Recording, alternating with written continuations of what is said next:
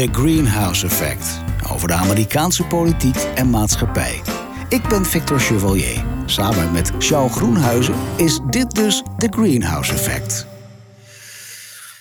Dit is alweer de 56e aflevering van The Greenhouse Effect. Ja, hij is weer in huis. Charles, Groenhuis is er weer helemaal bij. Hallo daar. Nog geen twee maanden is hij president van Amerika. Dan heb ik het niet over Charles Groenhuizen, maar over Joe Biden. En hij tekent nu al een historische wet die vergaande veranderingen in gang zet.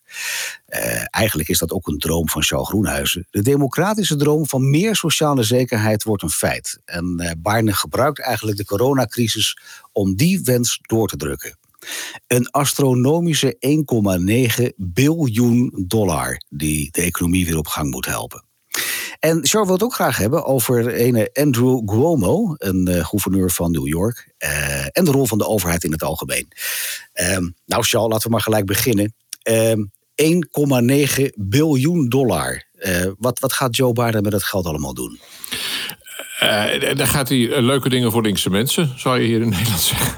leuke dingen voor linkse mensen, oké. Okay. Uh, nou ja, God, dat kennen we nog uit de tijd van de Partij van de Arbeid... toen ze nog wat voorstelden. Leuke dingen voor linkse mensen was altijd de hobby van Joop den Uyl en zo... en consorten. Ja. En, nou ja, het, het is 1,9 miljard, dus 1900 miljard, hè, even voor het begrip. ja, dat, dat, dat, dat, duizelt toch, hè? Dat duizelt. Nou, dat is maar wij zouden hier zeggen, in Amerika heet het 1,9 trillion... en in Nederland heet het 1,9 biljoen, wat verwarrend is... Want in Amerika is biljoen wat anders dan hier biljoen. Ja. Maar het is uh, in 1 biljoen, en, of nu dus bijna 2 biljoen, is dus een 2 met 12 nullen. Ja. Uh, over de, dat, dat, dat, is echt onvoorstelbaar. Uh, en, en deze 2 uh, biljoen, ik noem het maar even toch op zijn Nederlands, is het deel van wat de Amerikaanse overheid in totaal ook voor een deel nog tijdens Donald Trump al heeft uitgegeven. Als je dat totaal bekijkt, is het 6 biljoen, 6000 miljard. En ik heb even zitten cijferen. Uh, want je wat, kunt wat, zeggen, ja, ja het is, betekent dat nou per hoofd? Hè? Wat, wat, wat, als je dat terug gaat rekenen naar het aantal Amerikanen, waar, waar hebben we het dan eigenlijk over? Ik had gehoopt dat je daar naar zou vragen, want dat heb ik namelijk uitgerekend.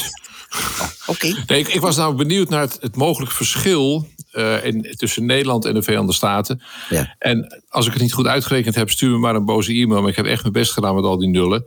Dat komt neer op 18.000 dollar per persoon, per Amerikaan. Alle 330 miljoen Amerikanen. En toen ben ik eens gaan cijferen en gaan kijken in Nederland hoeveel hebben wij nou uitgegeven volgens de rekenkamer. Ja. Daar ga ik maar even vanuit. Die hebben uitgerekend dat wij hier in Nederland zo'n 45 miljard hebben uitgegeven. Volgens mij is het iets meer, maar goed. En dan kom je uit op pakweg drie, ruim drie uh, uh, duizend, uh, in dit geval euro per persoon. Mm -hmm. Dus als je het zo uitrekent, geeft Amerika een veelvoud uit aan zijn burgers en bedrijven. Vergeleken met de toch niet onaanzienlijke steunoperatie van Mark Rutte in de loop van de maanden. En dat is natuurlijk opvallend. In een land is dat legitiem dan? Is dat, is dat dan legitiem in, in, in de zin van, van hebben ze daar een bepaalde reden voor? Nou, het, het, een van de oorzaken, want het verschil viel mij zo op. Ja. Uh, en een van de oorzaken is natuurlijk dat Amerika eigenlijk ik wil niet zeggen geen sociaal stelsel heeft, want dat wordt ook wel eens overdreven. Mm -hmm. uh, maar veel minder een vangnet heeft dan wij. Wij hebben een betere WW-regeling, we hebben een bijstandsregeling. Die wordt ook door steeds meer mensen gebruikt, ook onder invloed van de coronamisère. Uh, en hier in Nederland is het voor een heel groot deel gegaan naar bedrijven, werkgevers die voor een deel hun loonkosten terugkrijgen van de overheid als compensatie voor de geleden schade.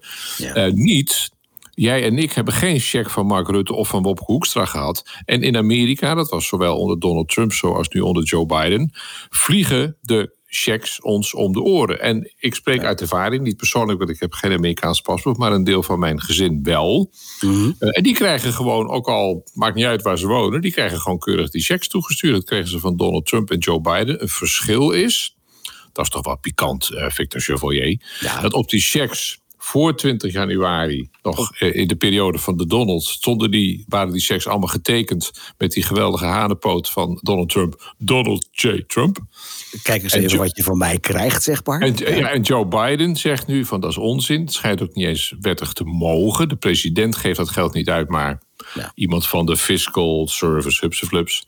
Dus nu, en dat is ook wel weer een verschilletje in stijl. Mm-hmm. Deze check wordt gewoon getekend door een ambtenaar waar jij en ik en ook de Amerikanen nog nooit van gehoord hadden. Want Joe Biden zegt dat geld komt niet van mij, dat komt gewoon van de overheid, van ons allemaal. Van ons is allemaal. Van ons allemaal. Ja. Dus een klein stijlverschilletje mogen we hier toch wel even noteren. Maar jij geeft dus eigenlijk aan, het verschil zit hem erin dat er eigenlijk überhaupt heel weinig uh, sociaal stelsel is. Wij kennen de WW, wij kennen uh, een stuk bijstand. Maar stel, kun je, kun je dat fictief bij elkaar optellen? Kom je dan ongeveer op hetzelfde bedrag uit, denk je? Nee, de Amerikanen geven maar veel meer. Oh, als je ons sociaal stelsel meetelt. Ja. ja. dat is ontzettend lastig rekenen. Zo knap ben ik niet. Uh, ik, ik denk uiteindelijk dat ze in Amerika meer uitgeven. Als ik ook die, die checks zie en als ik ook de bedragen zie tot, tot wat voor inkomen dat gaat.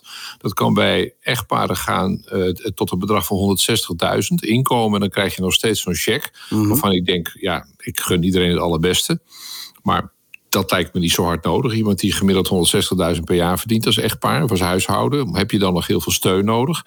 Ik merk het aan mijn eigen kinderen, hebben Amerikaanse paspoorten, hebben goede banen. Hebben die het echt, die werken ook nog gewoon. Mhm. Die hebben gewoon uh, een baan. Onze dochter heeft dus even de baan kwijtgeraakt bij Airbnb in San Francisco. En Floeps werd daarna hebben aangenomen en verdient daar goed. Onze zoon in New York verdient goed. Andere zoon in Zweden verdient prima salaris. Uh, eerlijk gezegd, ik gun het ze van harte, dat begrijp je. Maar hebben ze het nodig? Nee. nee. Dus het is wel fijn voor de economie, omdat het koopkracht oplevert. Ja, in het geval van mijn zoon die buiten Amerika woont, dan koopt hij in Amerika daar geen uh, hamburgers voor of weet ik wat. Ja. Uh, maar het komt dus voor een deel terecht bij mensen waarvan je eigenlijk objectief kunt vaststellen. En mijn kinderen zijn daar een voorbeeld van. En mijn vrouw trouwens ook, die krijgt die checks ook.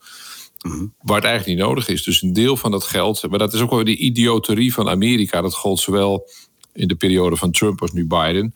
Het wordt ook wel met emmers echt over Amerika uitgestort. Uh, en normaal wordt er altijd gezeurd van, nou nee, we hebben geen geld voor. En dan uh, lopen we de werkgevers in de weg enzovoort. En uh, we zijn dan te sociaal en te soft en te socialistisch.